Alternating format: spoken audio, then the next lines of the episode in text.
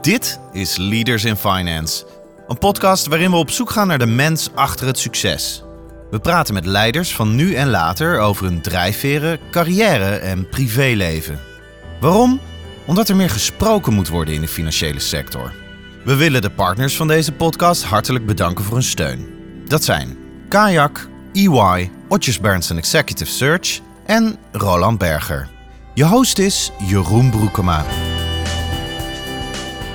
Welkom bij een nieuwe aflevering van Leaders in Finance. Deze aflevering is onderdeel van een tweetal extra afleveringen waarin ik met volksvertegenwoordigers bespreek hoe zij naar de financiële sector kijken. Vandaag de gast is Mahir Alkaya, Tweede Kamerlid namens de SP. Ik ga zo een korte introductie over jou uh, voorlezen, Mahir, maar alvast van harte welkom. Dankjewel. Leuk dat je deelneemt aan de aflevering van Leaders in Finance. Maar hier is al vijf jaar actief in de Tweede Kamer. Na zijn studie Strategic Product Design aan de TU Delft, waar hij cum afstudeerde, werkte hij bij de Rijksoverheid en onder andere voor de Nederlandse Voedsel- en Warenautoriteit en was hij ambtenaar bij het ministerie van Economische Zaken. Ook zat hij in de bestuurscommissie voor de SP in Amsterdam. Als Kamerlid houdt me hier zich bezig met financiën, belastingen en verkeer. Hij streeft naar het democratiseren van de economie en de emancipatie van werknemers. Vergaande democratisering is broodnodig, al dus maar hier. Vorig jaar verscheen zijn boek Van wie wordt ons geld? Maar hier is 34 jaar, getrouwd en woont in Amsterdam Nieuw-West. Alvast een beetje een beeld uh, van jou, maar hier fijn dat ik ook je en jij mag zeggen. En als eerste vraag zou ik je eigenlijk willen stellen: ja, wat typeert nou jou eigenlijk als mens? Hoe kunnen we jou snel leren kennen? Ja, dat is gelijk zo'n hele grote vraag is dat, hè? Alleen um, als ik dan ook naar die introductie luister, dan denk ik toch echt creativiteit. Ik ben graag creatief bezig. Ik heb natuurlijk industrieel ontwerpen gestudeerd en ook heel um, ja, bewust voor die opleiding gekozen, omdat ik creatief bezig wilde zijn, producten wilde ontwerpen. Dat is echt later wel meer uh, richting innovatiemanagement gegaan. Dus minder dat ik echt concrete producten aan het ontwerpen was, maar meer met het proces daarachter. Maar ook bijvoorbeeld het schrijven van een boek is ook een heel creatief proces geweest. En ik haalde daar veel voldoening uit. Ik merk bij mezelf dat ik daar nog steeds veel voldoening uit haal. Dus eh, verantwoordelijk voor de belastingen, gewerkt bij het ministerie van Economische Zaken, klinkt allemaal heel saai en suf. Maar het liefst ben ik uh, creatief bezig. En dat creatieve, is dat iets wat moet borrelen bij jou? Of komt dat, wanneer komt dat op bij jou? Het kan, dat is niet echt te beschrijven. Bijvoorbeeld, als we een voorbeeld nemen bij het eh, schrijven van het boek, dat was echt heel nadrukkelijk een, een zoektocht naar hoe krijg ik iets op de agenda. Hoe krijg ik iets op de politieke agenda waarvan ik denk, hey, dit, dit moet besproken worden in het parlement? Nou, eh, daar hebben we als socialistische partij ook allerlei manieren voor. Hè. Ludieke acties is een manier. Maar in dit geval ehm, zag ik gewoon een mogelijkheid daar om uh, iets op papier te zetten. Iets wat er nog niet is, op papier te zetten. En uh, een, ook een, een, tijdlijn te schetsen van sinds de bankencrisis, hoe dat is verlopen en wat er nu allemaal moet gebeuren. Dus toen was het dat heel nadrukkelijk de aanleiding. Maar ook bijvoorbeeld de industrieel ontwerpers uit, uit Delft, die opgeleid worden in Delft, die hebben ook uh, een heel andere kijk op zaken dan bijvoorbeeld iemand die aan de kunstacademie industrieel ontwerper is. Dat is niet echt een, een ingeving, maar meer dat je kijkt naar waar is behoefte aan, waar is, uh, wat is de analyse van de, van de samenleving, wat is de analyse van het probleem en hoe kan je dan met een, een creatieve oplossing daarvoor komen. En die creativiteit, kan je die kwijt in je politieke, dagelijks politieke werk? Ja hoor, zeker. Uh, je krijgt natuurlijk als volksvertegenwoordiger veel vrijheid om um, zelf in te vullen hoe je met die uh, plicht uh, omgaat, met, eigenlijk met die verantwoordelijkheid omgaat. En ik heb daar zo mijn eigen manier voor. Dus het, niet elk Kamerlid schrijft een boek, bijvoorbeeld. Dus ik, ik heb daar veel voldoening uit gehaald. Maar zoals ik net ook al aangaf, ludieke acties. Wij, om een voorbeeld te geven, waren vorige week in een aantal plekken in Brabant om een aantal stations om te toveren tot uh, onderdelen van de Randstad. In de hoop dat we er dan wel uh, investeringen daar gedaan worden in de infrastructuur. Omdat wij zien dat het kabinet vooral investeert in en rondom de Randstad. Dat is een voorbeeld van een ludieke actie. Dat levert dan natuurlijk leuke beelden op en een persbericht en, en media-aandacht. Dat is ook weer een, eh, een, een manier hoe, jij, hoe je kunt omgaan met deze verantwoordelijkheid en met deze taak. In, de, in mijn voorbereiding probeer ik altijd zoveel mogelijk te lezen en te luisteren en te kijken naar, uh, naar wat mensen gezegd hebben die ik ga interviewen. En toen ik dat deed, toen dacht ik op een bepaald moment, hey, dit is een politicus, maar hij zit wel op het randje van ook activisme, of niet? Voel je jezelf ook activist? Ja, maar zo ben ik ook begonnen natuurlijk. Ik, ik was eerder activist dan politicus. in de bankencrisis uh, waren natuurlijk die Occupy Wall Street protesten. En hier in Nederland ook allerlei, um, ja, ik wil bijna zeggen copycat acties. Maar zo, dat, dat klinkt negatiever dan ik, dan ik het bedoel. Maar geïnspireerd door Occupy Wall Street zag je overal op de wereld natuurlijk vergelijkbare acties opkomen. En daar heb ik aan meegedaan. En ehm, ik, ik vond dat het anders moest. En dat, dat heb ik ook proberen voor elkaar te krijgen met acties. Alleen je ziet op een gegeven moment toch dat je ook de politiek nodig hebt. Dus dat je actie en fractie nodig hebt om verandering voor elkaar te krijgen. Dus als je het hebt over het politieke werk hier, dan denk ik dat dat niet optimaal uh, gebruikt kan worden zonder dat je ook actie voert uh, buiten het parlement. Maar andersom geldt het ook. Als je alleen maar activist bent en alleen maar actie voert, dan ben je ook niet optimaal bezig. Dan kun je ook beter een stem hebben in het parlement om vervolgens die verandering daadwerkelijk uh, teweeg te brengen. Wanneer was de eerste keer dat jij dacht, ik ga echt serieus de politiek in? Nou, ik was dus activist. Ik was bij veel demonstraties en ik zag daar continu maar één, één partij die ook daadwerkelijk werk maakte van het buitenparlementair, van buitenparlementair actievoeren, dat was de SP. Dus ik dacht, nee, dat is, dat is een gave club. Daar, daar moet ik bij zijn. Dus ik ben allereerst lid geworden van de SP om te kijken van hoe, hoe werkt die uh, club nou? Uh, hoe zit het? Uh, hoe combineren zij dat werk in het parlement, in die gemeenteraden, in de provinciale staten met het activistische wat ze daarbuiten doen? En dan zie je echt dat het in het DNA van de partij zit. Dat trok mij heel erg. Dus ik ben eerst lid geworden van de SP en daar als uh, vrijwilliger natuurlijk aan de slag gaan, langs de deuren gaan. En hebben heel veel problemen van mensen gezien in, in mijn buurt. Als activist hè, in de bankcrisis ben je natuurlijk bezig met de wereldproblemen. Ben je bezig met het kapitalisme en, en de bankwereld. Zijn helemaal hele grote problemen. Alleen de SP ja, dwingt je ook bijna om um, uh, met mensen te praten en te kijken wat hun alledaagse problemen zijn. Dus dan kwam ik in mijn buurt achterstallig onderhoud in sociale huurwoningen tegen. Of uh, buurten die zijn verwaarloosd door het gemeentebestuur waar helemaal niet in geïnvesteerd wordt. Of jongeren die geen werk kunnen vinden. En dan, dan leer je ook met dat soort kleine problemen um, om daar acties aan te verbinden en ook die acties te winnen en daarmee ook eigenlijk mensen uh, bij de politiek te betrekken. In plaats van dat je gelijk met zo op zo afstapt van hey, kom je ook mee het kapitalisme bestrijden? Dat is dan eigenlijk een veel te grote vraag voor de meeste mensen. Maar even heel concreet, hoe oud was je ongeveer? Ik was toen 20. 20, dus je was aan het studeren? Ja. Ja. En toen dacht je voor daar vroeger, daarvoor, heb je nooit gedacht dat politiek jouw interesse zou gaan krijgen? Nou, ik was wel altijd uh, maatschappelijk betrokken. Ik kom uit Rood Nes, zoals dat heet. Um, dus bijvoorbeeld, uh, ik heb gedemonstreerd tegen de oorlog in Irak, bijvoorbeeld. Maar dan was, was het heel meer, veel meer ad hoc. Uh, dan was er iets en als er dan een demonstratie tegen georganiseerd werd, dan, um, dan ging ik daarheen. Of als er debatten op de middelbare school werden georganiseerd, dan de, deed ik daar met plezier aan mee. Alleen, ja, zoals ik zei, het liefst zag ik mezelf creatieve dingen doen in de toekomst en niet in het parlement zitten. Ik ben ook benieuwd naar hoe kijk je naar succes? Wanneer vind jij dat je succes hebt? Als mens of als politicus? Ja, nou, nu allebei vind ik interessant hoor, maar ik bedoelde eigenlijk als politicus. Maar hoe meet je dat? Want soms is het een klein beetje bijsturen, soms zijn het grote ideeën ventileren, middels zo'n boek bijvoorbeeld. Hoe kijk je naar je eigen succes? Als je naar zo'n jaar kijkt, zeg van wat heb ik allemaal bereikt, waar kijk je dan naar? Nou, dat is ook echt afhankelijk van, uh, van de tijdsgeest, van de context, denk ik. Wij zijn nu een oppositiepartij met uh, negen zetels. Daarmee zijn we de vijfde in de rangorde. Hè? Dus vijfde grootste partij van Nederland. Dus het is geen kleine partij, maar we kunnen ook niet uh, met de radicale ideeën die we hebben uh, alles voor elkaar krijgen vanuit de oppositie. Zo realistisch ben ik dan ook wel weer.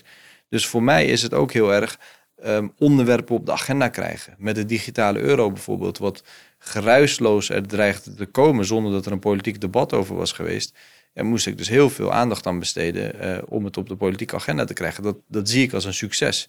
En dan is het nog maar de vraag of het daadwerkelijk ook um, de kant op gaat die ik, die ik wil, uh, waarvan ik zou willen dat het die kant op gaat. Dat, dat, moet, dat moet nog blijken. Dus in, in dat geval meet ik mijn succesgraad niet af aan, aan de inhoud, maar aan, puur aan het feit dat er een, een debat over is geweest. met andere zaken, bijvoorbeeld winstdeling binnen bedrijven. Ehm, en eh, ik vind dat winstdeling binnen alle bedrijven verplicht zou moeten zijn. Je ziet dat heel veel start-ups dat al vanzelf toepassen en dat het goed werkt. Zowel in het verdelen van de winst uh, en dus ook hè, ervoor zorgen dat de welvaart eerlijk wordt verdeeld, maar ook bij het betrokken en gemotiveerd houden van werknemers. Ja, en ik, uh, van zo'n idee vind ik het al een, uh, een, een, succes als het tussen de oren bij meer mensen komt. Dus dat, dat moet nog echt van de grond komen. Dat, dan ben ik veel meer aan het spreken met, met de vakbond bijvoorbeeld. Wat vinden jullie hiervan? Of dan ben ik stuk aan het schrijven. Uh, dus dat, dat is dan weer een heel ander onderwerp. En ja, succes in mijn geval is dus niet dat ik daadwerkelijk dingen voor elkaar krijg als oppositiepartij en als meest linkse partij van, van Nederland. Want dan zou ik de hele tijd mezelf niet succesvol voelen. Nee, dat kan me, kan me voorstellen. Als je in één keer een radicaal idee, zoals jij het noemt, geïmplementeerd wil hebben en dat lukt steeds niet, dan kan je wat cynisch worden, denk ik. Nou, nou precies. Dus uh, we hebben nog veel werk te doen. Luisteraars van deze podcast werken veelal in de financiële sector. Hè? Dat gaat over geld. Ja. bijna alle gevallen. Ik bedoel, indirect. Hè? Het gaat over veel grotere dingen, maar geld is in ieder geval het onderwerp waar het samenkomt. Hoe kijk je zelf naar geld persoonlijk? Is geld voor jou belangrijk? Ja, ik zou dan wel geld en het geldstelsel uit elkaar willen halen. Het geldstelsel, dat vind ik nou typisch zo'n voorbeeld van een, van een nutsvoorziening. Iets wat basisinfrastructuur zou moeten zijn, maar wat nu volledig aan de markt is overgelaten. Dus daar kijk ik vooral echt, echt politiek uh, naar. Dus dat is voor mij echt een, uh, een, onderwerp waar ik mijn tanden in kan zetten. En uh, om het op de agenda te krijgen dat we dat weer publiek en als basisinfrastructuur moeten organiseren. En, en geld zelf, ja, persoonlijk, eh, ik vind hebben van zoveel mogelijk geld niet echt persoonlijk belangrijk. Dus um, ik ben niet continu bezig met zoveel mogelijk geld verdienen of iets dergelijks. Ik zie dat wel veel in mijn, in mijn omgeving. Maar als ik er zo in zou zitten, dan zou ik hoogstwaarschijnlijk niet bij de SP zijn terechtgekomen ook. Maar is geld voor jou ook bijvoorbeeld in vorm van veiligheid? Dat je zegt, ik wil wel altijd zorgen dat ik inkomen heb. Ben je er wel eens mee bezig? Kijk, geld is natuurlijk de, de, materiële context die bepaalt wel wat voor persoon jij bent. Um, dus dat, kunnen we niet ontkennen. Je, mensen kunnen uh, in, in de ene omstandigheid echt hele um, ja, kwaadaardige en slechte mensen worden, puur omdat de omstandigheden zich, zich uh, ze daartoe dwingen. En de, precies dezelfde persoon zou in een andere omstandigheid, bijvoorbeeld als die niet te maken had met armoede, niet te maken had met een, een gewelddadige thuisfront en dergelijke, zou het een heel andere persoon zijn geworden. En geld heeft daar heel vaak invloed op. We zien dat armoede heel veel andere problemen veroorzaakt. Dus, dus ja, geld is ook een stukje, een stukje veiligheid. En dat, dat, je moet genoeg hebben om uh, er niet over te kunnen nadenken, niet over te hoeven nadenken. Zoals ik in de inleiding zei, uh, een van jouw portefeuilles is financiën. Was dat voor jou een onderwerp wat altijd logisch was? Want je hebt niet een studie in die achtergrond gedaan. Dus met andere woorden, hoe kom je in die hoek verzeld geraakt? Want je weet er nu heel veel van. Ja. Hoe komt dat zo? Het heeft één op één te maken met de reële economie. Ik wilde eerst afhankelijke producten ontwerpen, lekker creatief bezig zijn. Toen kwam ik erachter, eigenlijk is het veel interessanter om te kijken van hoe kun je creativiteit binnen een organisatie meer uh, tot bloei laten komen? En wat hoe moet je dat proces dan inrichten? Ja, daar ben ik ook op afgestudeerd, bij Ahold overigens. Dan, dan zie je volgens dat dat uh, op heel veel andere terreinen ook, ook toepasbaar is. Dus ook uh, in, in de politiek en ook bij het ministerie van Economische Zaken. Dus hoe krijg je zo'n organisatie ook wat, wat creatiever, dat ze ook innovatiever gaan denken. En dan heb je het ook heel nadrukkelijk hè, over het ministerie waar topsectorenbeleid wordt vormgegeven een van de topsectoren is ook de creatieve industrie. Dat ze ervoor zorgen dat Nederland als land ook creatiever is. Dat wij onze producten en diensten ja, zo goed mogelijk ontwerpen en laten aansluiten bij de behoeften behoefte in de wereld. Ja, en toen ik uh, werd gevraagd om Tweede Kamerlid te worden, was mijn focus ook vooral op de reële economie. Dus het MKB, innovatie, de industriepolitiek. Dat zit eigenlijk meer aan de economische zakenkant. En op een gegeven moment, eh, toen wij uh, ook achteruit gingen in zetelaantal, helaas, moesten we natuurlijk ook weer nadenken van wat zijn logische combinaties om te maken. En dan hadden ze daar zo'n ingenieur die veel wist van de economie, daar ook uh, ja, cum laude op was afgestudeerd bij het ministerie van Economische Zaken had gezeten. Dus ik moest dat stukje financiën, echt het boekhouden zeg maar, moest ik er nog wel bij ontwikkelen. En dat heb ik de afgelopen jaren zo goed mogelijk gedaan. Maar dat verklaart ook wel denk ik enigszins bijvoorbeeld waarom ik zo geïnteresseerd ben in, in de digitale euro. En de innovaties in het geldstelsel, innovaties in het financiële stelsel. En niet zozeer op, ja, wat mij betreft, wat saaiere onderwerp. mooi, mooi verwoord. Hoe kijk je nou naar die financiële sector? Even, even op Nederland gefocust. Hoe kijk je ernaar? Um, Nederland is wel een heel bijzonder land in dat opzicht. Er zijn maar weinig sectoren waarin eh, er zoveel consolidatie heeft plaatsgevonden. Dat drie grote bedrijven, eh, ING, ABN AMRO en de Rabobank, dat die 85% van de markt uh, zo'n beetje in handen hebben. En dat die ook inhoudelijk veel op elkaar lijken. Ehm, je hebt natuurlijk wel de Rabobank die wat meer op landbouw gericht is en een coöperatieve bank is. Maar ja, je kunt er dan wel weer op een andere manier uh, in beleggen. En uh, je hebt daar geen aandelen, maar hoe noemen ze dat? Certificaten of obligaties noemen ze dat volgens mij. Dus in de praktijk lijken die banken heel erg op elkaar. Dus ik vind dat er te weinig diversiteit is in de Nederlandse financiële sector. En heel nadrukkelijk, ook specifiek als ik kijk naar wat, wat mist er dan qua diversiteit uh, dan is er volgens mij echt behoefte aan een, een, bank die structureel in, in publieke handen is, die saai is, waar mensen terecht kunnen die helemaal niet zo zitten te wachten op uh, een hoog rendement of op veel speculatie of uh, ook dat er een, een, een uitgebreide zakelijke kant aan, aan de bank zit, maar die gewoon alleen maar jouw geld beheert op een, op een degelijke manier en jou daar ja, minimale rente voor geeft. Of misschien zelfs helemaal niet. Hè? Een full depositobank heb je het dan over. En um, uh, dat, dat soort voorbeelden zie je in het buitenland wel meer. Niet het full deposito deel, maar wel echt banken die structureel in, in publieke handen zijn en zich daarmee onderscheiden van de commerciële banken. En in Nederland hebben we dat niet. En dat is volgens mij echt een gemis. Maar zou je naast de commerciële banken een, de Volksbank bijvoorbeeld hè, publiek willen houden, misschien nog, nog publieker willen maken dan dat, die, dan dat die op dit moment is? Of zeg je nou eigenlijk alle banken zouden in publieke handen moeten zijn? Nee, naast. Dus naast. Ik, ik Want wel, waarom zou je niet alle banken publiek willen hebben? Omdat ik denk dat kredietverlening en vooral zakelijke kredietverlening, dat dat wel echt iets is waar de markt voor uh, zou moeten zijn. Um, dus je kunt ook een, een, systeem voorstellen waarin je ook die markt uh, de nek omdraait. Hè? Dat je dat zegt, dat moet ook allemaal via de overheid gaan. Ik denk dat dat te ver gaat. Ik denk dat er binnen banken veel kennis en expertise is op het gebied van risicomanagement en eh, inschatten van wat, wat de risico's zijn en al dan niet een krediet verlenen of kijken wat daar dan tegenover zou moeten staan. Uh, dat vind ik dus wel wat anders dan het beheren van het betaalinfrastructuur en automatisch ter beschikking hebben tot ons, al ons spaargeld. Dat, ze, dat wij automatisch om te kunnen deelnemen aan de samenleving, belasting te kunnen betalen, salaris te kunnen ontvangen, dat we dan ook een bankrekening moeten hebben en ook automatisch al ons geld beschikbaar stellen aan die banken. Dat vind ik twee verschillende dingen. Als er daadwerkelijk een, een, een vrije consumentenkeuze zou zijn, ehm, waarbij een consument zou kunnen kiezen tussen een saaie publieke bank waar die heen kan gaan met zijn geld, om alleen maar de basisdingen te doen, of naar een commerciële bank uh, waar diegene dan ook uh, ja, logischerwijs meer rendement van zou verwachten, dan is daar volgens mij niks mis mee met dat, uh, met dat stelsel. Maar ik noemde net al even de Volksbank. In principe hebben we hem daarmee toch. Behalve dat ja, minister Kaag geloof ik vorige week heeft bekendgemaakt dat er een route naar privatisering is. Even mijn woorden. Maar in principe hebben we hem daarmee. Of niet? Ja, maar we hebben hem al uh, jarenlang uh, tijdelijk in handen. Dus, dus, er wordt niet uitgesproken dat ook de bedoeling is dat hij in publieke handen blijft. En dat de Volksbank zich daarmee ook in de toekomst zal onderscheiden van de andere commerciële uh, banken.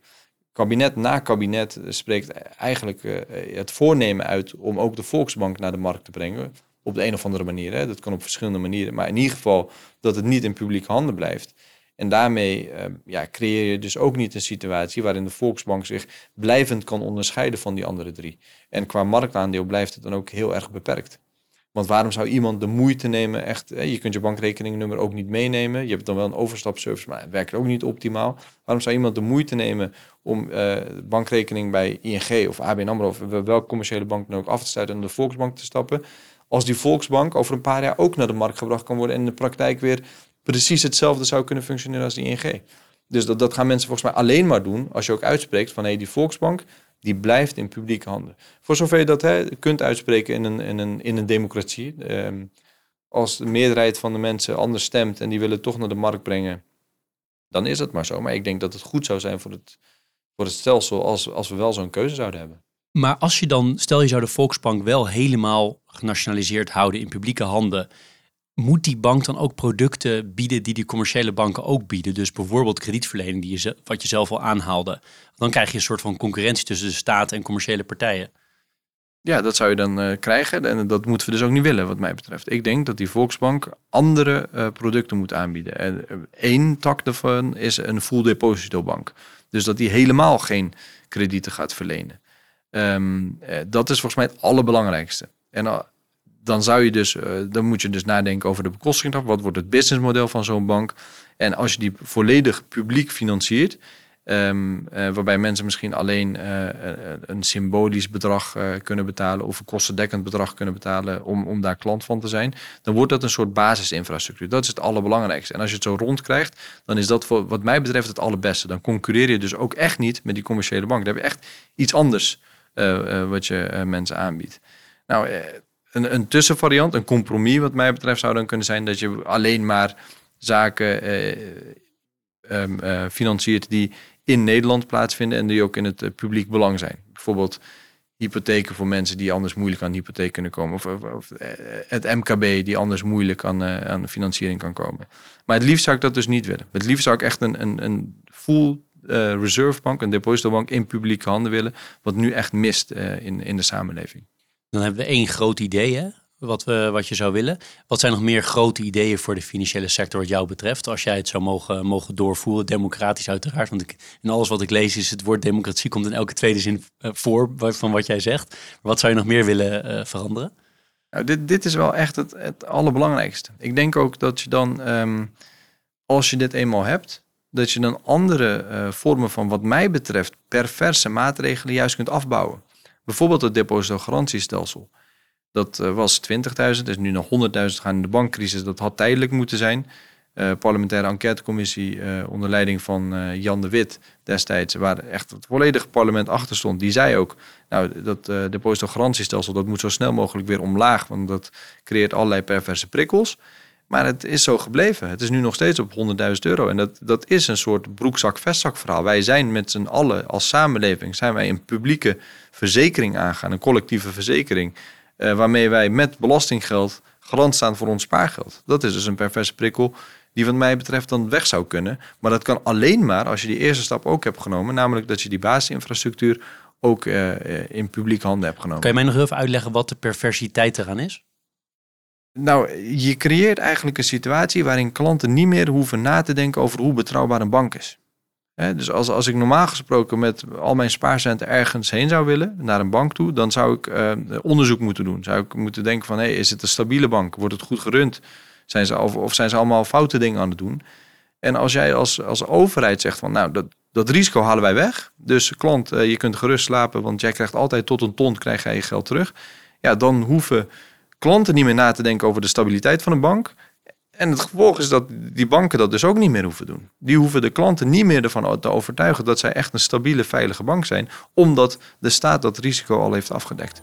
Ja, dat, dat is een perverse situatie. Dit is Leaders in Finance met Jeroen Broekema. Welke dingen zou je nog meer willen veranderen?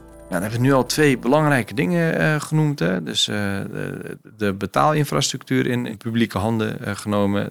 de posto-garantiestelsel hebben verlaagd en het liefst ook afgeschaft. Dan heb je wel de belangrijkste dingen volgens mij. Zitten er nog hoeken, ik ga even wat suggesties doen. Zitten er nog hoeken van die financiële sector waar je zegt, nou dat is, voegt wij nog, nou ja, wat, wat jou betreft te weinig waarde toe?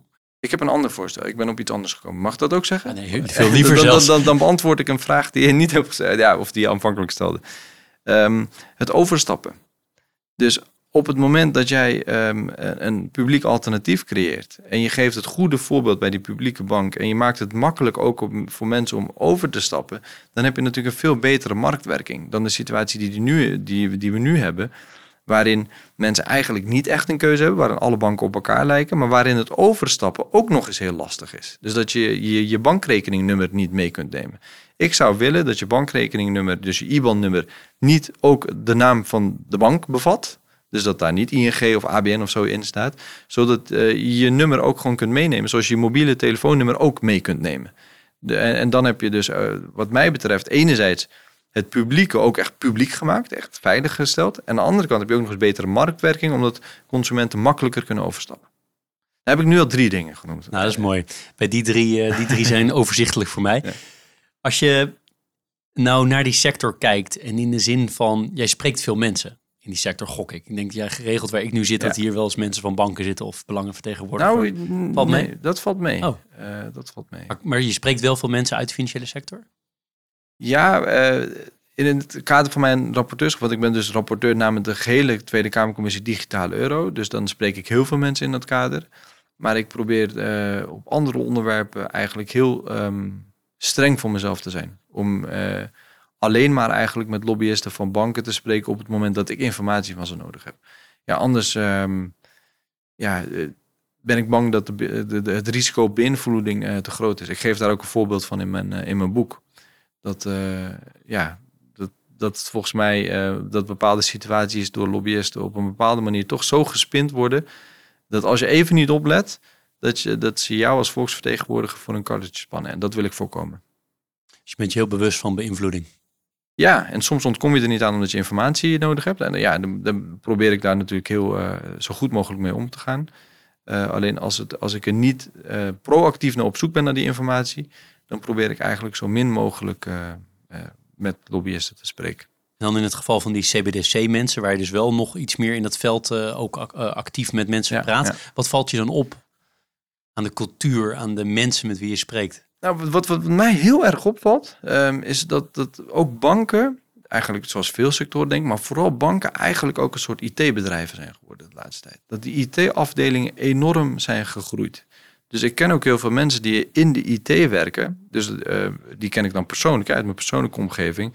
Ehm, ofwel bij een bank, ofwel projecten doen voor banken.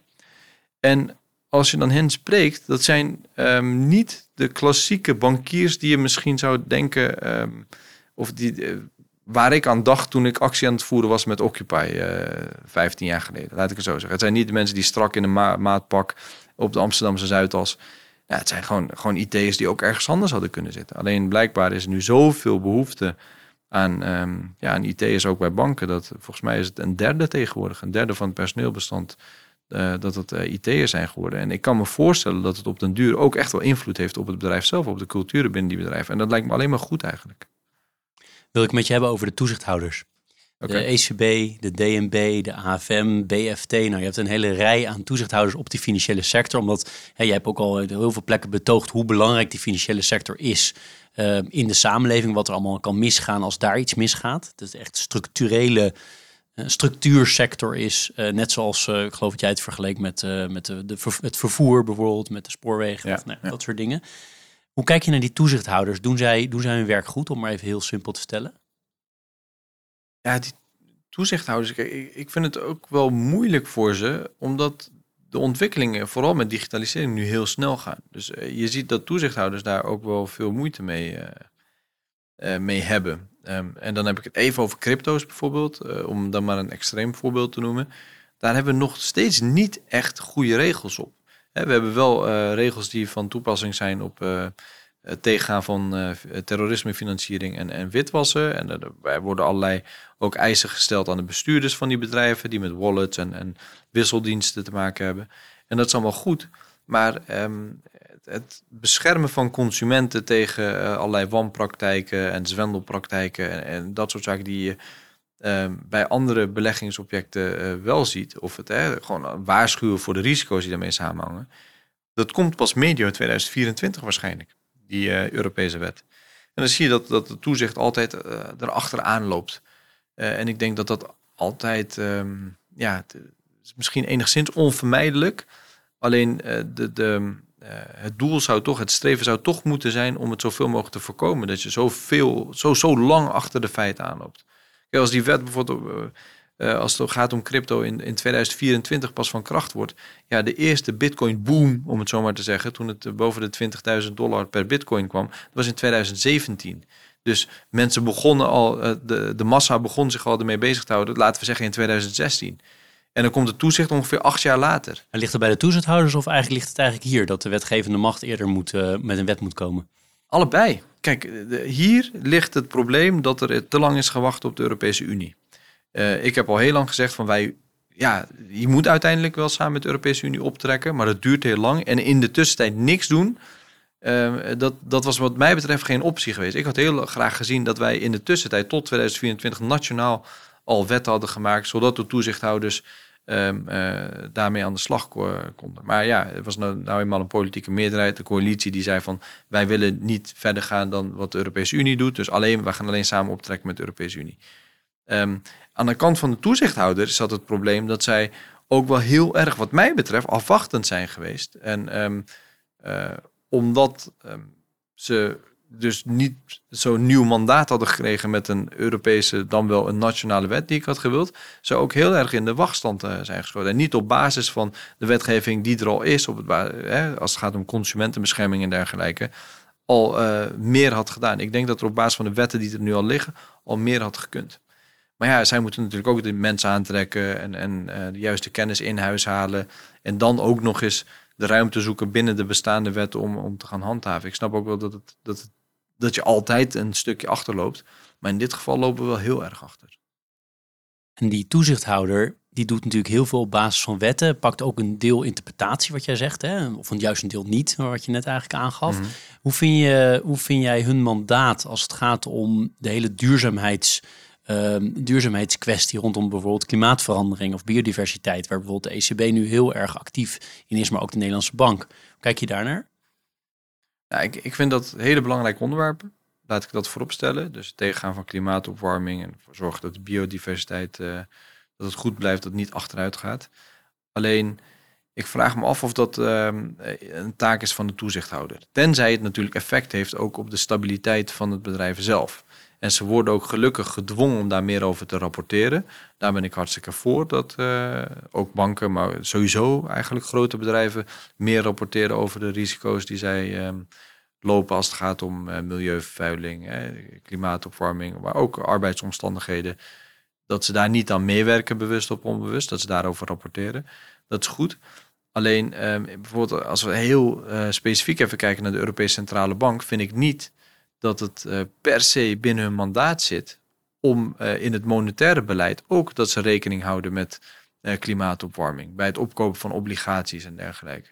Dat vind ik niet, dat vind ik niet hun taak. Dus ik, ik kan me wel voorstellen dat de toezichthouder ook hier op zoek is naar een, wat, wat hun taak zou moeten zijn. wat mij betreft is hij in dit geval beperkt. Je haalde het al even aan, de wet ter voorkoming van witwassen en terrorismefinanciering, de WWFT. Daar heb ik een paar vragen over. Ik ben er uh, specifiek heel geïnteresseerd in dat, in dat onderwerp. Met name omdat er nu zo ongelooflijk veel mensen, ik geloof 12, 13.000 mensen in de, bij de Nederlandse banken werken om nou, dit allemaal uit te voeren. Allereerst een meer wat filosofische vraag. Is dit nou eigenlijk een publieke of een private taak? Met andere woorden, zou de, de overheid dit moeten doen of moeten de banken inderdaad dit zelf doen, de commerciële banken? Ja, het is, het is een filosofische vraag. Het is niet zo makkelijk te beantwoorden. Kijk, eh, qua even als vuistregel of, ja, of als, als uh, wat, wat de rode draad in mijn denken is, ik vind het in principe een publieke taak. Ik vind niet dat je commerciële bedrijven volledig verantwoordelijk kunt maken voor het uh, ja, opsporen en vangen van boeven. Nou, vangen dan niet, maar het, het, het signaleren. dat, dat, hier, dat er wellicht met de financiële transactie iets onoorbaars aan de hand is. Um, dat, dat vind ik iets, iets uh, voor de overheid. Dat gezegd hebbende, zie je natuurlijk wel dat uh, um, banken daar wel bij kunnen helpen.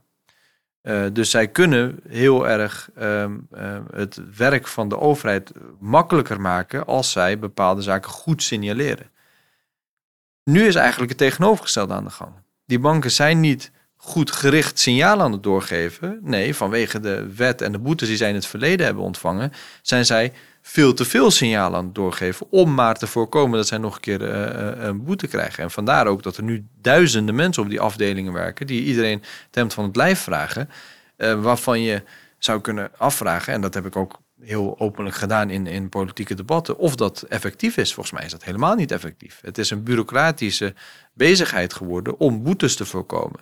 Het maakt het werk van bijvoorbeeld de Financial Intelligence Unit helemaal niet zoveel makkelijker. Als je kijkt naar hoeveel signalen daar binnenkomen en wat, waar ze vervolgens wat mee doen, ja, dat is, dat is een fractie. Dus dat hele stelsel dat werkt op dit, uh, op dit moment niet. Ik denk dat het veel beter zou zijn als, um, en ik, ik, ik sluit niet uit dat daar ook veel mensen voor nodig zijn. Ik zeg niet dat, dat, er, dat dan mensen ontslagen zouden moeten worden, want je kunt ook um, uh, die mensen anders inzetten.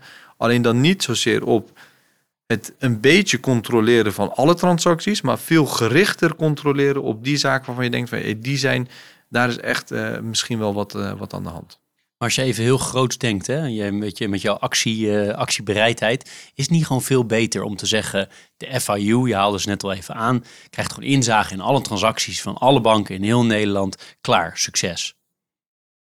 Dat, ja, dat, dan sla je denk ik toch wel weer een beetje door naar massasurveillance. Um, want ja, dan ben je, dat, want dan komen privacyoverwegingen komen om de hoek kijken. Wat ik ook heel belangrijk vind. Vind je het nog proportioneel om alle transacties altijd te monitoren om een paar boeven te vangen? Nou, of gerichter. Hè. Er zijn ook momenten dat, dat ik afgetapt mag worden. Uh, dat als ik aan het bellen ben, misschien is dat met dat ook. Dat ze in ieder geval, als, ze, als, de, als er goede redenen voor zijn, uh, met nou ja, bepaalde aanwijzingen voor het OM, wanneer de politie erin mag. Maar dat ze er gewoon in mogen als het nodig is. En voor de rest die surveillance niet doen. Nou, niet doen. Kijk, wat, laat ik vertellen hoe ik het voor me zou zien. Hoe, hoe ik het idealiter voor me zou zien. Um, ik, ik ben niet tegen samenwerking van, van banken, zoals die nu met uh, eh, TMNL, eh, wat, zoals het nu gebeurt. Alleen de vraag is of je dat dus uh, op een soort big data-achtige manier moet doen. Waarin je alle transacties op een hoop gooit en dan daarin um, patronen probeert te herkennen. Ik kan me voorstellen dat het werkt. Hè? Ik kan me voorstellen dat je dan gerichter inderdaad op zaken komt. Alleen dan heb je dus wel te maken met een situatie waarin je de privacy van heel veel mensen schendt om, um, om je werk effectiever te kunnen doen. Ik vind dat disproportioneel. Ik vind het op dit moment, uh, de wet die nu is, uh, is uh, voorgesteld, wordt voorgesteld door minister Kaag, vind ik disproportioneel. Ik kan me wel voorstellen dat banken beter gaan samenwerken en wel data met elkaar mogen delen over um, verdachte zaken. Dus niet dat ze bij voorbaat al alle transacties op één hoop gooien en daar um, uh, gezamenlijk uh, patronen in proberen te herkennen. Maar dat ze gericht informatie gaan delen van hey, deze persoon, hier is wat aan de hand mee. Ik zie dat uh, continu bedragen overmaakt naar die rekening. kun jij daar ook eens even kijken wat daarmee gebeurt? Dat mag op dit moment ook niet. Dus dat shoppen van eh, van criminelen bij verschillende banken. Dat kun je natuurlijk op die manier wel tegengaan zonder dat je alle transacties uh, monitort. En ik vind dan de rol van de FIU, die zouden dan ehm, samen met TMNL, zouden dan veel gerichter onderzoek kunnen doen naar die zaken waar dus hoge risico's wat mij betreft zijn. Dus ja, samenwerken. Ja, uh, FIU uh, moet meer inzage krijgen in, uh, in bepaalde zaken die riskant zijn. Maar niet van iedereen. Niet dat massasurveillance waar nu naar geneigd wordt. Ik begrijp natuurlijk dat witwassen in de financiële sector een groot onderwerp is, omdat het maatschappelijk enorme impact heeft. Zeker ook de onderliggende delicten hè, die eraan vooraf gaan. Ja. maar het is ook een groot onderwerp, omdat de mensen die ik spreek, al die CEO's in de financiële sector, tegenwoordig persoonlijk daarvoor aangepakt kunnen worden. Hè. Dus zijn mensen die uh, vervolgd uh, worden. en er worden grote boetes uitgedeeld aan de instellingen zelf. Maar ik wil het vooral even hebben over die vervolging van personen, van bestuurders. Dat die ook persoonlijk aansprakelijk aangepakt worden of aansprakelijk gesteld worden. Hoe kijk je daarnaar? Vind je dat een goede zaak? Ja, dat vind ik een goede zaak. Alleen, kijk, het is vervolgd worden is één ding. is er al een bankier achter de tralies beland? Volgens mij niet. Dus ze proberen het inderdaad. Hè? Dus eh, het Openbaar Ministerie is aan het kijken naar manieren om de bestuurders verantwoordelijk te houden voor um, de organisatie die zij jarenlang hebben bestuurd. En daar zijn ze royaal voor beloond, voor die bestuurstaak. Dus um, kijk, als, als ze er niets aan konden doen, dat er heel veel in een organisatie misging, dan, uh, ja, vind ik ook niet dat ze daarvoor bestraft moeten worden. Alleen dat het Openbaar Ministerie kijkt of zij uh, redelijkerwijs wel er iets aan hadden kunnen doen. Uh, in de organisatie waar ze zo uh, verantwoordelijk voor waren zo lang. Ja, dat vind ik een uh, goede. Dus nalatigheid speelt hier misschien een, toch een, belangrijke rol.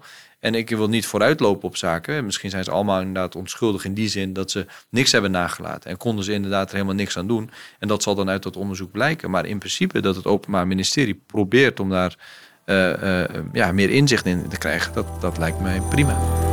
Je luistert naar Leaders in Finance met Jeroen Broekema.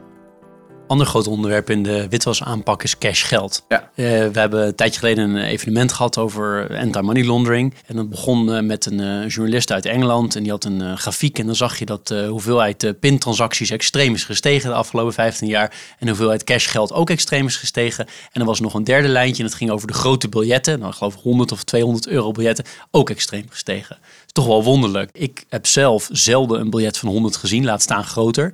Waarom kunnen we niet gewoon zonder dat cash geld? Ik weet dat jij het graag wil houden, maar waarom kunnen we niet gewoon zonder op termijn in ieder geval? Je ziet dat op dit moment, als je kijkt naar puur wat er in de samenleving gebeurt, dat de samenleving anders met contant uh, geld begint om te gaan. Het wordt niet meer echt gebruikt voor alledaagse betalingen. Zelfs de allerkleinste bedragen, als je kijkt naar uh, ons eigen land, Nederland, worden tegenwoordig uh, betaald, afgerekend met, met de pinpas of met de telefoon of de smartwatch.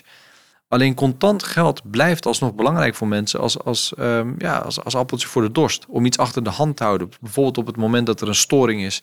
Of dat er iets anders aan de hand is, dat je toch iets achter de hand hebt gehouden in contant geld. Dat verklaart volgens mij ook die grote biljetten. Want het is veel handiger om grote biljetten. Ja, is dat zo? Want het is ook het betaalmiddel voor criminelen.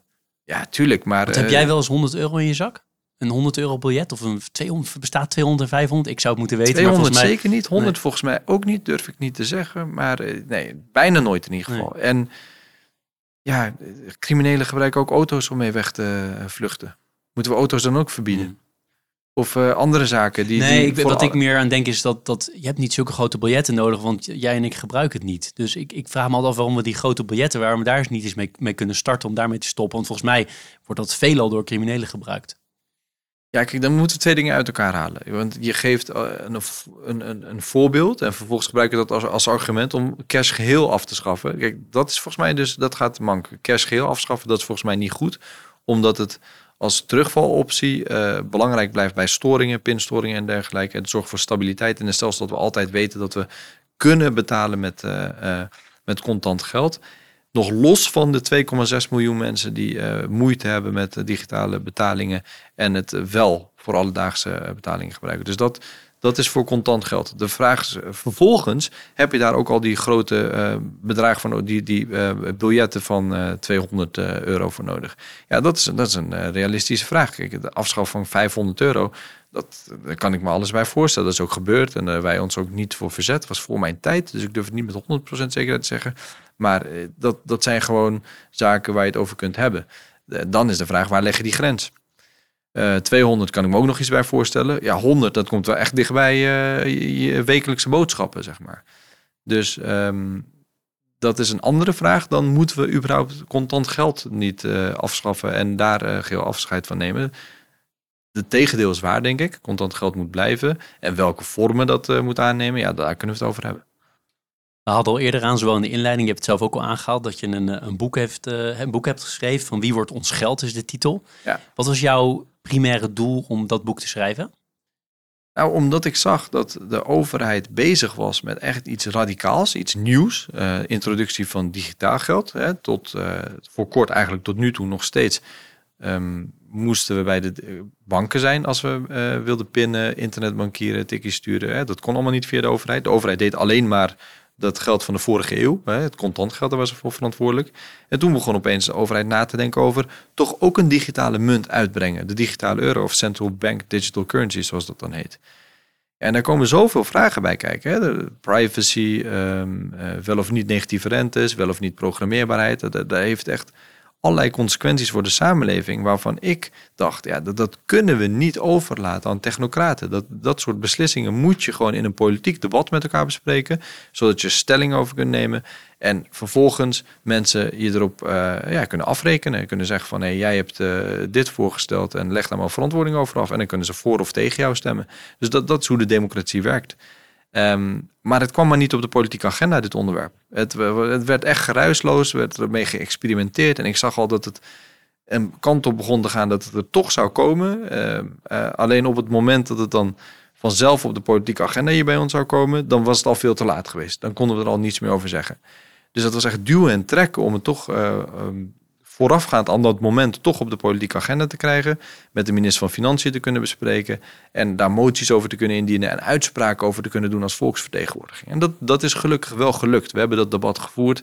En er zijn inderdaad partijen geweest die. Uh, wat meer moties hebben ingediend over uh, um, ja, privacy moet goed geborgd zijn. Andere partijen meer ja, negatieve rentes uh, moeten onmogelijk worden gemaakt en dergelijke. Dus dan hebben we daar um, een, een, goed debat over gevoerd. De, nu is de volgende vraag natuurlijk. En wat doen ze daarmee in Brussel en Frankfurt? Dus het was primair om het op de agenda te krijgen? Ja, en, en, en, en dat is gelukt met dat boek. En nu ben ik als rapporteur namens de Tweede Kamercommissie ben ik dus bezig om er ook voor te zorgen dat het Nederlands parlement in dat enorm ingewikkelde Europese proces, waar um, ook nog eens dus de Europese Centrale Bank bij betrokken is. Uh, dus het is al ingewikkeld genoeg als je een gewone Europese verordening hebt of een richtlijn wat door al die Europese instellingen goedgekeurd moet worden. Maar nu is ook nog eens de Europese Centrale Bank in Frankfurt erbij betrokken. Het is een heel ingewikkeld proces. En ik probeer als rapporteur daar zo goed mogelijk het Nederlandse standpunt op de um, agenda te krijgen, zodat het ook uh, ja, serieus wordt genomen. Dat gaat niet vanzelf. Hè? Normaal gesproken zou je denken van dat gaat vanzelf. Hè? Wij zijn de volksvertegenwoordiging, hoogste orgaan. Dus op een gegeven moment komt het hier op onze agenda. En wat wij zeggen, dat, dat, dat, dat wordt het gewoon. Maar zo gaat het in de praktijk helaas niet meer. Dat proces is razend ingewikkeld geworden. En dat is elke dag weer vechten om de positie van het parlement ja, uh, te bevechten. Om dat uh, ja, op de radar te houden in Brussel en Frankfurt. Zijn de belangen groot? De belangen zijn heel groot heel groot. En daarom moet er ook een, uh, een, een balans gevonden worden. Kijk, als je het te goed maakt, bij wijze van spreken. Hè? Als het, uh, het functioneert heel goed, nog beter dan de banken op dit moment doen. En je zet er geen limiet op. En uh, mensen hebben gewoon automatisch toegang daartoe. Dan zijn de banken, die zijn bang dat ze het overgrote deel van hun financiering verliezen. Dat heel veel mensen gaan denken van ja, waarom zou ik nog bij die commerciële bank zitten? Want de overheid biedt een veel beter functionerende um, uh, optie voor mij aan. En het is ook nog eens gegarandeerd. Uh, dus ik, loop ook helemaal geen risico. En aan de andere kant heb je natuurlijk het risico dat we hier in Nederland best wel verwend zijn met relatief goede diensten. Als je kijkt naar hoe de digitale betalingen en dergelijke in de wereld plaatsvinden en kijkt naar hoe het in Nederland is, nou, dan gaat in Nederland best wel goed. Dus de andere kant is het risico dat ze miljarden investeren in een digitale europroject, maar die niet goed wordt gevonden. Bijvoorbeeld omdat de privacy niet goed uh, geborgd is. Omdat mensen het gewoon niet vertrouwen. Denken van, nou, dan kan de overheid meekijken met al mijn betalingen. En niemand gebruikt het vervolgens. Dus dan heb je allemaal weggegooid geld. Uh, echt miljarden heb je het dan over. Dus aan beide kanten is het risico uh, heel groot. En ze zijn op zoek naar een sweet spot op dit moment. En het zou mooi zijn als ze die kunnen vinden. Alleen het lijkt niet de goede kant op te gaan wat mij betreft, helaas. En in het boek en uh, ook uh, rondom dit hele debat heb jij het over verlies van controle, hè? over techneuten in Silicon Valley, technocraten in Brussel en Frankfurt uh, en grootmachten zoals China. Spreekt dit ook complotdenkers aan? Dat merk ik in de, in de praktijk wel. En um, ik kan me daar ook wel iets bij voorstellen, omdat het vertrouwen in de politiek, in instellingen aan zich, is in, is in de samenleving heel laag.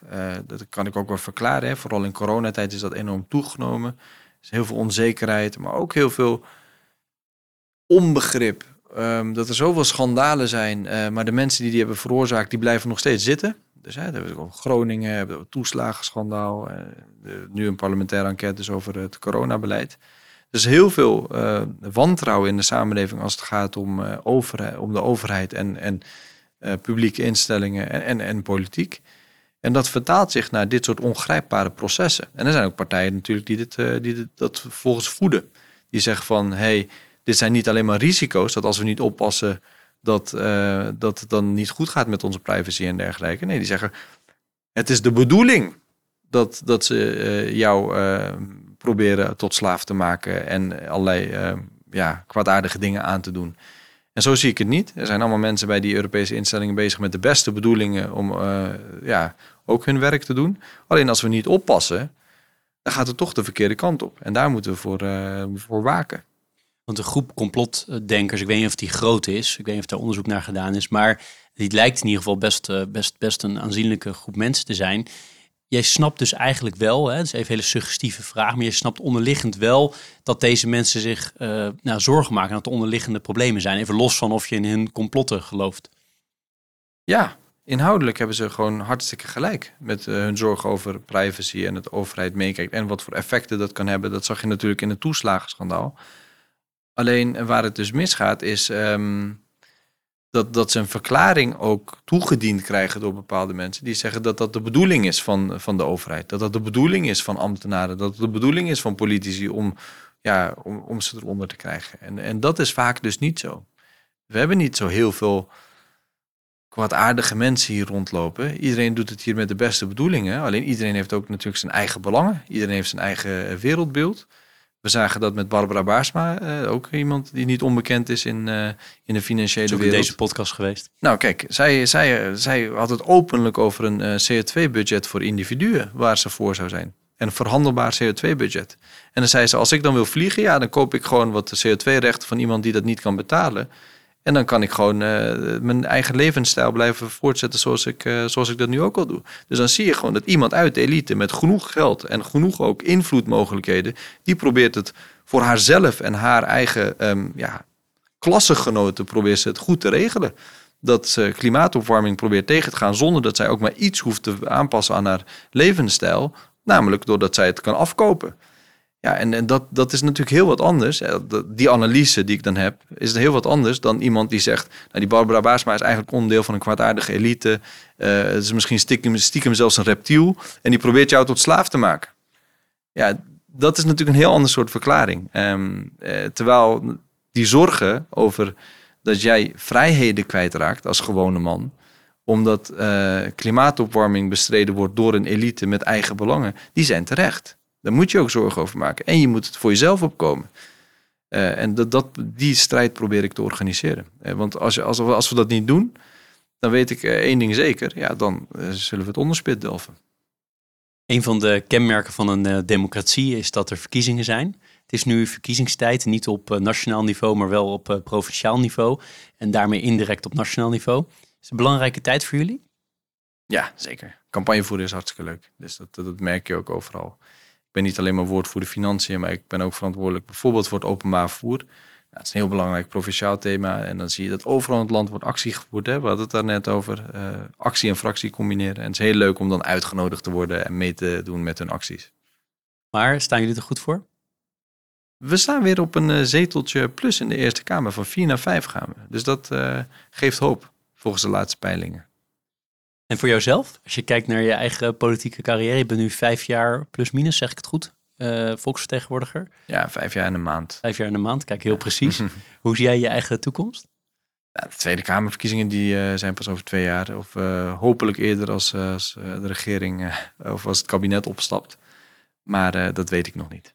Nee, maar zou je het leuk vinden om bijvoorbeeld ooit minister te worden als, als de SP ehm, regeringspartij zou worden? Ja, als ik dit soort zaken waar we het zojuist over hadden, ideeën in de praktijk kan brengen, ja, natuurlijk. natuurlijk. Welke ministerie? Ja, dan heb je het dus echt over zaken als uh, economische zaken, financiën. Uh, iets waar, waar ik een, een, belangrijke bijdrage aan zou kunnen leveren in de, in de samenleving. En als ik daar de beste persoon voor ben. Kijk, ik heb ook altijd ook in de politiek, uh, nu als Tweede Kamerlid, um, mijn mij opengesteld om een bepaalde taak te doen. En de partij heeft me daarvoor gevraagd. En als een partij me ergens voor vraagt, dan doe ik het met alle plezier, omdat ik mijn idealen graag uh, verwezenlijk wil zien. Dat is niet uh, vanwege een persoonlijke ambitie of iets dergelijks, maar meer om iets in de samenleving voor elkaar te krijgen.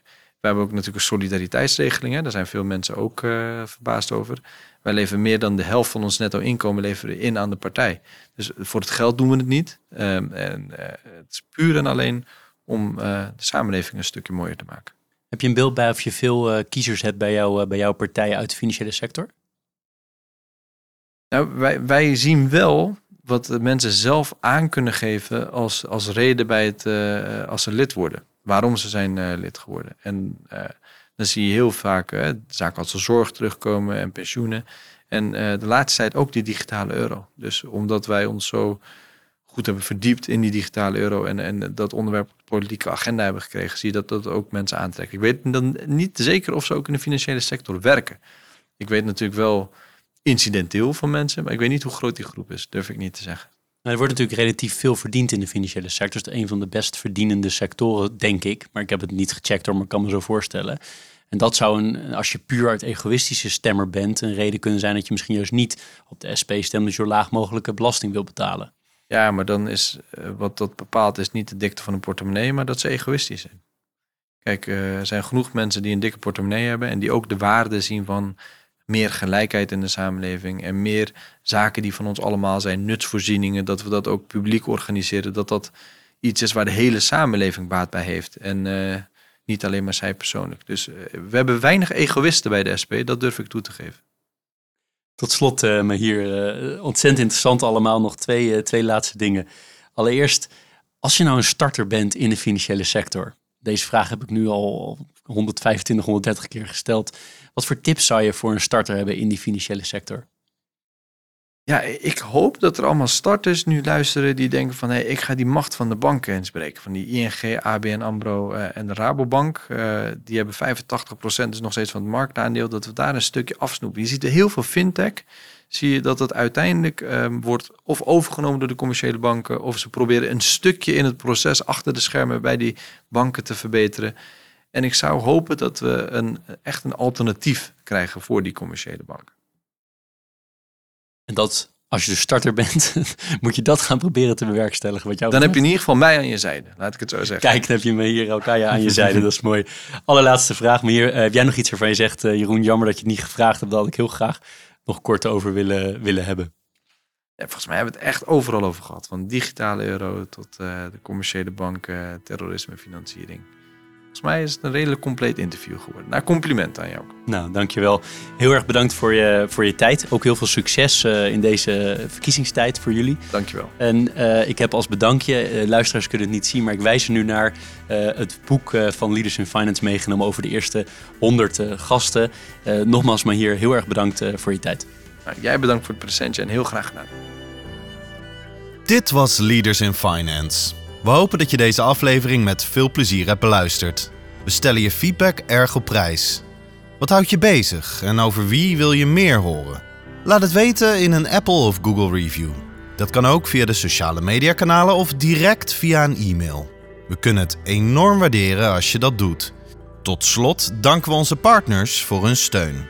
Dat zijn Kayak, EY, Otjes Berndsen Executive Search en Roland Berger. Bedankt voor het luisteren.